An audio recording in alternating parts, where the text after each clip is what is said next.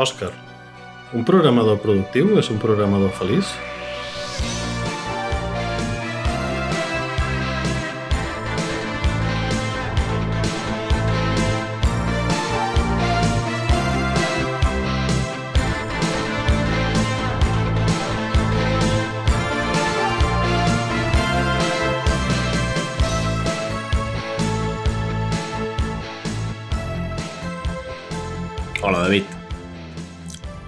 Priori sí, no?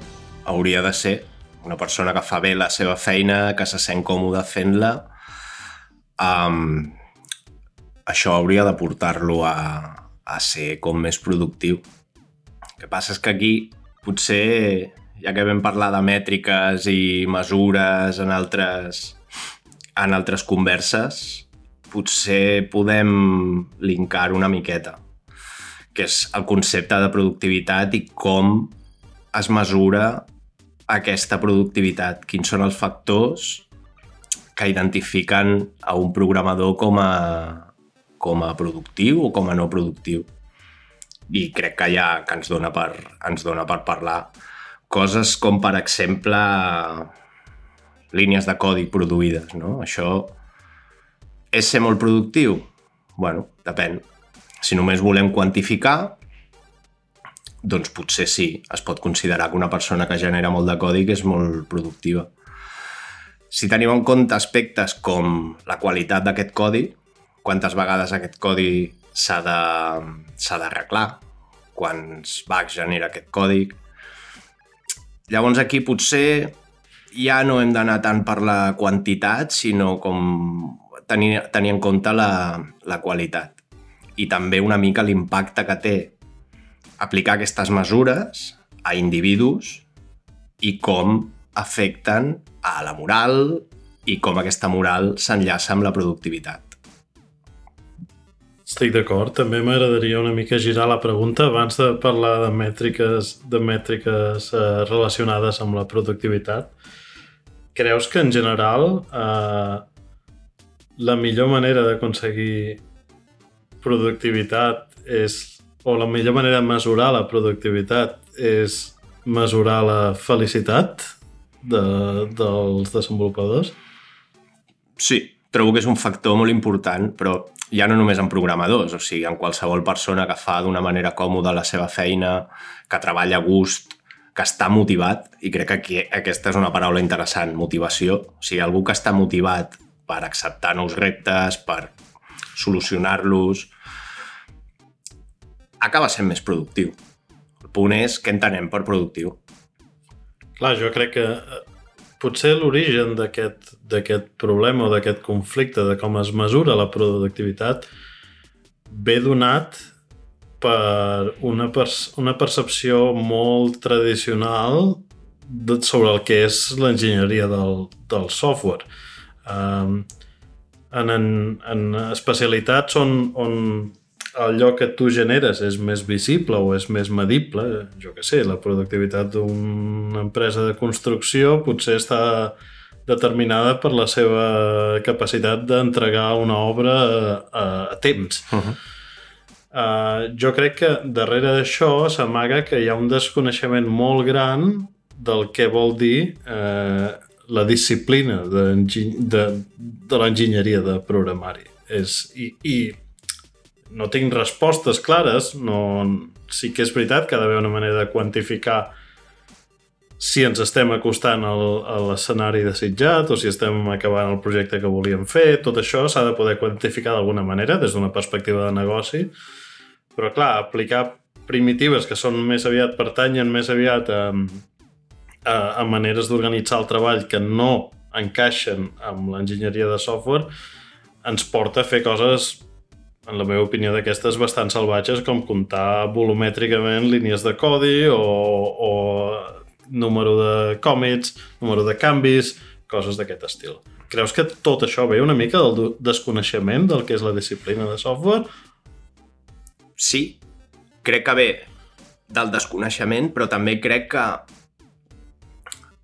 el context històric, no? Vull dir, tot, tot això que comentes i el, el terme productivitat, a mi el primer que m'aboca és productivitat en una línia de producció, no? Mm. Una línia de producció és més eficient, és més productiva, contra més uh, volum és capaç de transportar o contra més producte final és capaç de, de treure.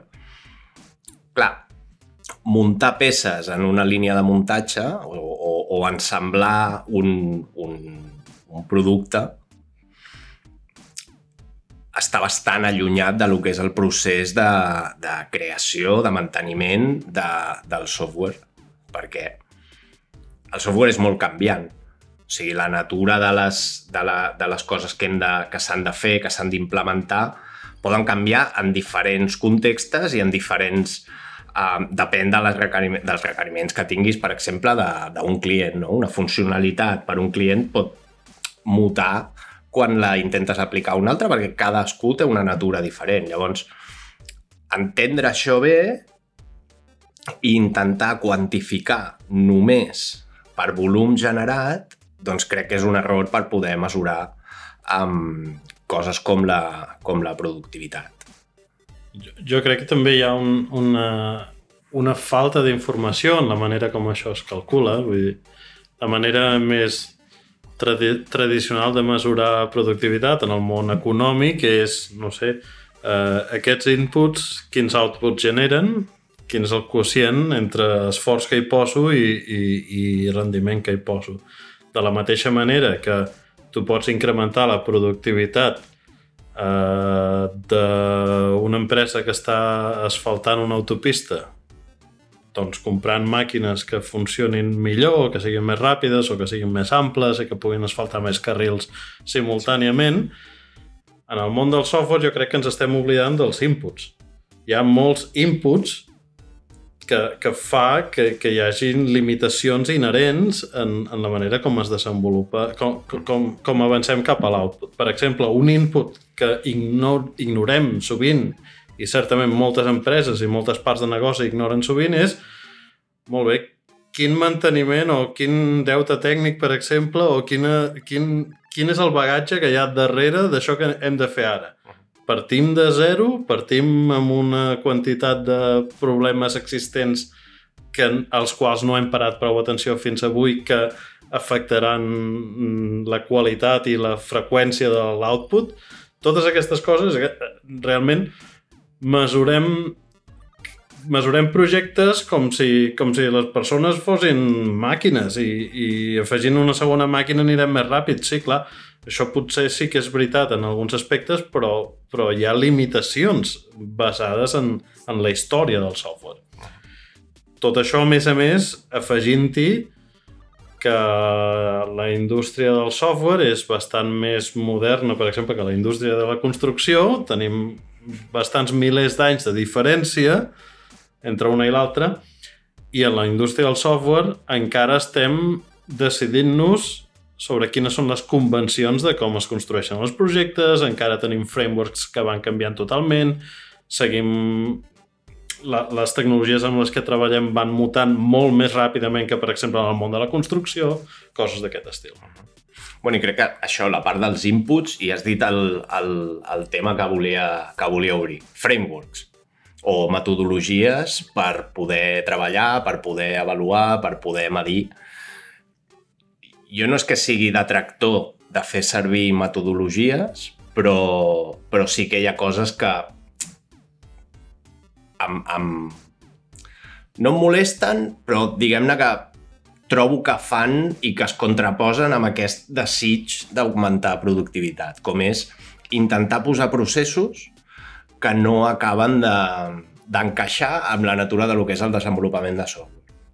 Poso un exemple com són bueno, pues, treballar metodologies eh, agile, fer servir Scrum, eh, treballar amb sprints... Tot això està bé, no? Està bé intentar encerclar o contenir les unitats de treball de manera, de manera més mínima per poder minimitzar l'impacte. Però dintre d'aquests frameworks, dintre d'aquestes metodologies, hi ha una sèrie de coses que són molt abstractes i que a vegades venen donades i venen per obligació que s'han de fer, com per exemple les estimacions de segons quines tasques. Un sprint no es considera un sprint satisfactori si no has completat un nombre de punts d'història um, determinats. Això no vol dir que el teu equip hagi sigut poc productiu. Clar, si et regeixes únicament per aquesta manera de mesurar i consideres que productivitat equals um, punts d'història completats per sprint, doncs sí, evidentment, però llavors el que estàs fent és fer o promoure el fet de que t'acabis regint per un número. Això ho vam parlar l'altra vegada en l'episodi de les mesures. O sigui, per mi, que un desenvolupador que necessita entendre com implementar una funcionalitat no pugui tenir el temps necessari per entendre-la i per poder analitzar bé els detalls de la implementació i que en un context d'una hora o una hora i mitja, en una cerimònia, ja sigui un refinement o un sprint plan o alguna així, hagi d'atorgar un número per identificar a l'esforç que costarà, em sembla molt contraproduent. Crec que això es pot fer en el context de tinc experiència en aquest, en aquest projecte, sóc capaç d'identificar de manera ràpida i sóc capaç de veure totes les ramificacions del d'allò.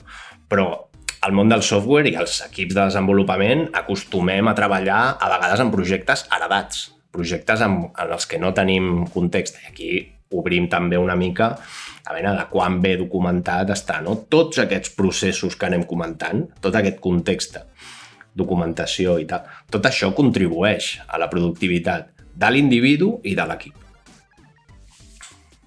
És correcte i jo crec que també fent una mica d'advocat del diable jo entenc la perspectiva mm, que aquesta gent que no té realment un interès o un, un interès centrat en el desenvolupament del software per si, jo entenc que, que, que cerquin, cerquin respostes a la pregunta de bé, això quan ho tindré, o bé, això com... quan, quan, quan de temps o quan costarà.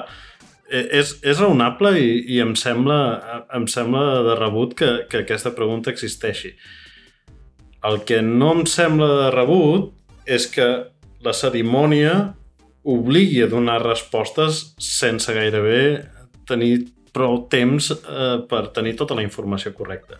Una, una, una eina que, que jo he intentat utilitzar en el passat i, i, i no sempre funciona és bé, quan hem de quan estem, estem davant d'una tasca que, que, que és bastant incerta en quant a terminis, intentem planificar aquella petita quantitat de feina que ens ajudarà a entendre aquestes parts que desconeixem com de costoses seran. Intentem fer això primer intentem evitar llançar-nos a la piscina i fer una estimació que, que, no, que, que serà, no tindrà ni cap ni peus.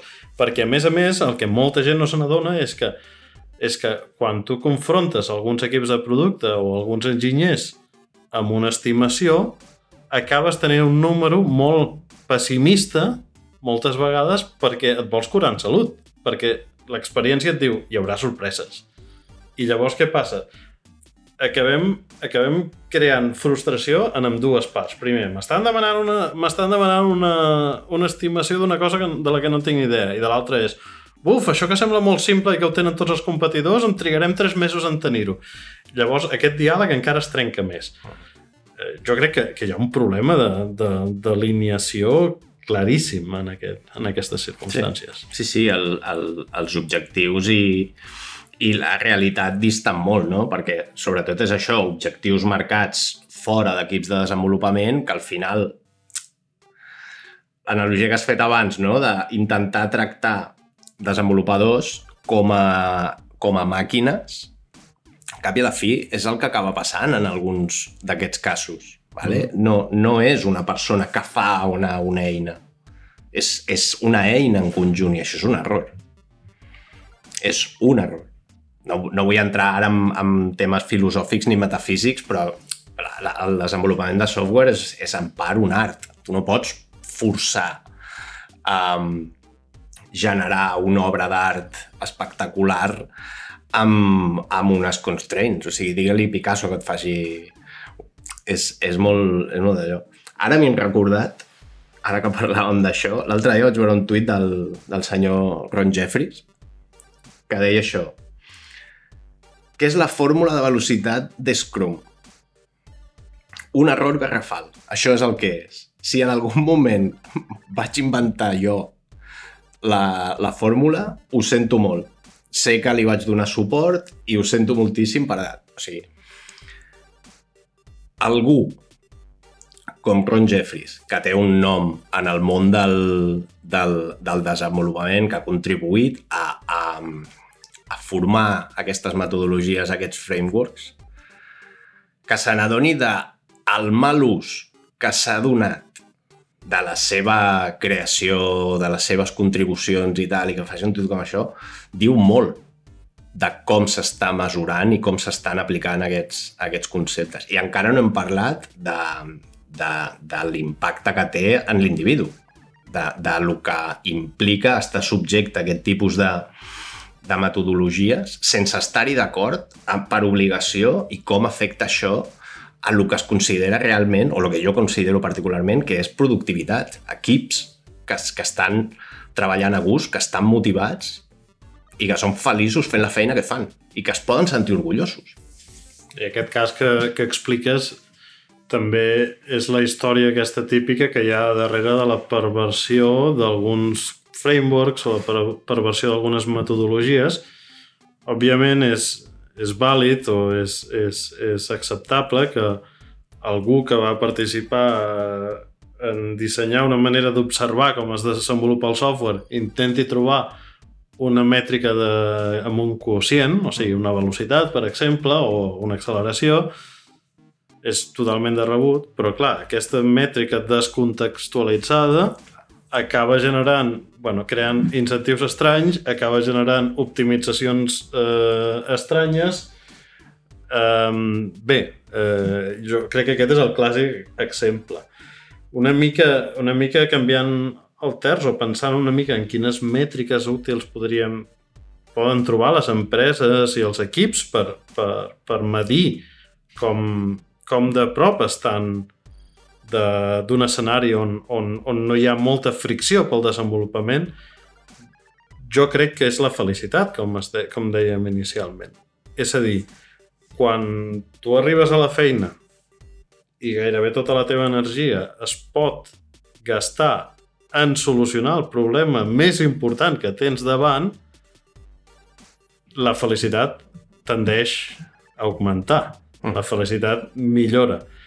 Quan aquesta energia, de, quan la, el balanç entre feina i metafeina acaba anant totalment a, a la banda de la metafeina, la felicitat doncs, doncs, doncs eh, empitjora segurament.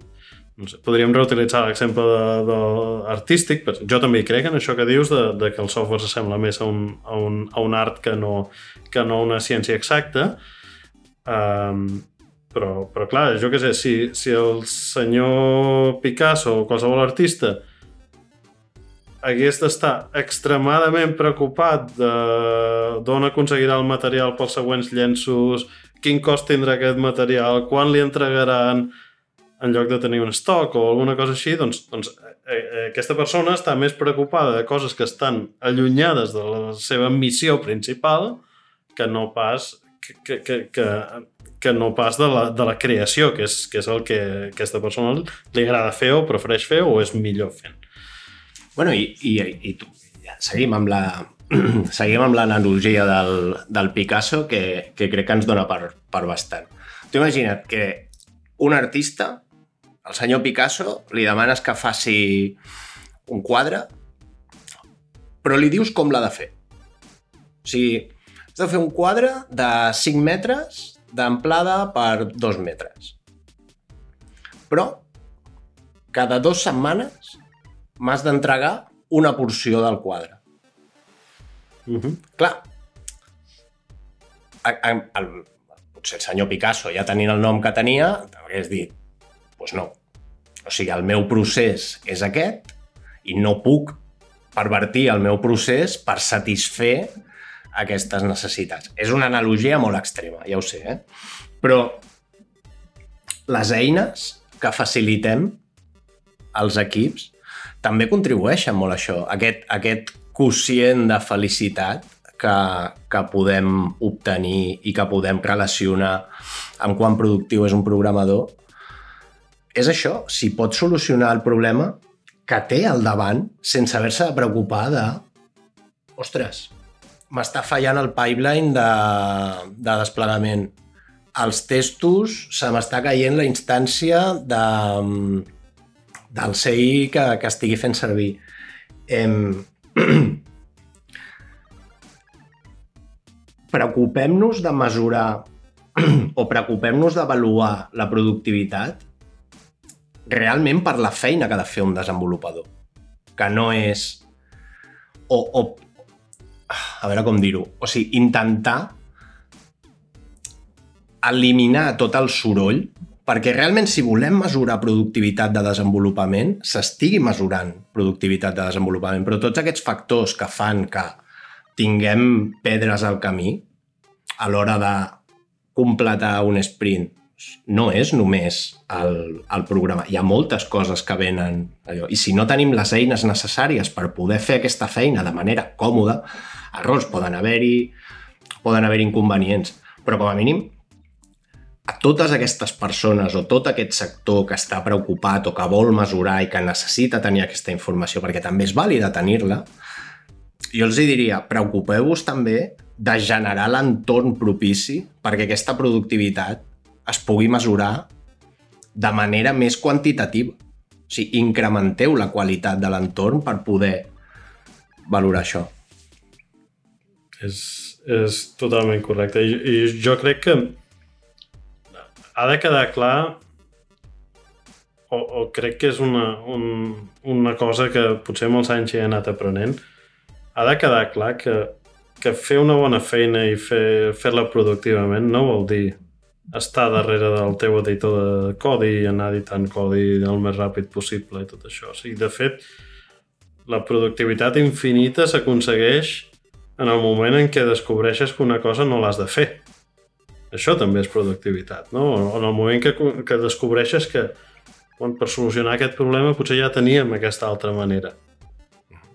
Per aconseguir això, per aconseguir això necessites unes condicions de d'alineació molt grans. Tothom ha d'entendre quin, quina és la tasca més important que hem de fer. I llavors, la manera d'aconseguir-la o les eines per aconseguir-la, òbviament sí que n'hi ha algunes que, que, que són imprescindibles, però les eines deixen de ser la part important. La part important és allò que volem aconseguir. I si tots hi creiem i si tots la, ho valorem de la mateixa manera, fins i tot encara que no hi estiguem d'acord, però si tots entenem quina és la cosa més important que tenim davant, realment molta de la feina de motivació i molta de la feina d'eliminació de, de, de distraccions ja la tens. Uh -huh. Ja, ja l'has aconseguit perquè ve gratis, per dir-ho d'alguna manera. I, I aquesta part molt sovint la veig en moltes organitzacions que queda totalment oblidada. Encara, encara hi ha una manera molt top-down de distribuir feina, encara hi ha una manera molt de distribuir feina sense donar explicacions o, o la motivació de per què s'ha de fer una cosa, llavors, clar, si ja no, si no t'ho compren la pròpia gent que ho està fent, t'ho comprarà algú de fora, e, és que realment és per qüestionar-s'ho. Com en altres aspectes, sembla, sembla que hi hagi un problema de comunicació i de llenguatge en, en aquest sentit. Bueno, i de, de comunicació de llenguatge i després també de confiança. Un altre, un altre aspecte important a l'hora de poder facilitar la feina i poder treure tot aquest soroll de fons és tenir confiança. O sigui, jo m'he trobat en, en, en diverses organitzacions amb les que he treballat i amb les que he col·laborat en el, en el que el, ara obro un balonasso tremendo, en el que el concepte DevOps està completament pervertit Uh -huh. O sigui, el, el, el concepte de DevOps és un equip de sistemes de tota la vida al qual li han canviat el nom, però que segueix tenint el control de moltes de les coses que haurien d'estar o bé compartides o bé delegades equips de desenvolupament, seguir una miqueta el que era la filosofia DevOps de, de, de quan va sortir, no? Uh -huh. um, però per què un desenvolupador no pot tenir control sobre el pipeline dels seus testos? Això no és un cas, no és un cas únic. Per què no pot uh, córrer, o per què no pot desplegar codi de producció? Per què hi ha aquesta segregació a vegades entre diferents equips que haurien de treballar junts? Això és una barrera claríssima contra la productivitat. Vull dir, tens la confiança de que un programador t'escrigui el còdic que estarà corrent en producció, però no el pot portar a producció. Per mi això és un, és un sense sentit. O sigui, no té cap tipus de... I això genera frustracions. I quan apliques mètriques o apliques metodologies en les quals has de completar una sèrie de tasques en un determinat període de temps, si no pots completar la tasca, principi a fi, estàs cardat. I això es transforma en frustracions, en crispació entre diferents equips, entre no acabar d'assumir responsabilitats o, o, o no o no, no, no, sé com, no sé com dir-ho en català, sí, no, no assumir responsabilitats i tirar pilotes fora. No, és que no he pogut acabar perquè el pipeline i l'equip de... Oh! Això ja, aquí ja comença a, a generar-se aquesta, aquest ambient que no és l'ideal. Eh, veig clarament el meló que estàs obrint. veig clarament que, que hi ha un tema que en, ens, ens ve a sobre per un altre episodi. Però sí, en general, en general, tot allò que, que impliqui funcions de gatekeeping eh, o, o, o passos, passes addicionals per, per aconseguir complir la missió que, que tots tenim encomanada conjuntament sembla contraproductiu, òbviament. I, I el tema del DevOps, del qual en parlarem segur, jo crec que aquest és un altre exemple, per cert, com el que comentaves, de que la gent que va, que va crear aquest terme se'n penedeix una mica del mal ús que, que sí, se n'ha fet, però el tema de DevOps, o digue-li DevOps o digue-li qualsevol cosa que combini els noms de, do, de dues disciplines, el tema de DevOps era augmentar la comunicació i eliminar eh, una, una, una barrera creada artificialment per la manera com superaven els negocis sí. abans. I, I, òbviament, reanomenar un equip a DevOps no el converteix. No et converteix, no et canvia la cultura, Exacte. la cultura del treball. I, i això és, és força fonamental. Sí, sí. M'hagués agradat parlar de, de, de processos i, i tal, però se'ns estan en el temps. Però per un proper episodi m'agradaria parlar de code reviews exten, extensament, que crec que també és un factor important. Fantàstic, doncs tenim el pipeline ben ple ara. Gràcies, David. Un plaer. Un plaer. Fins aviat.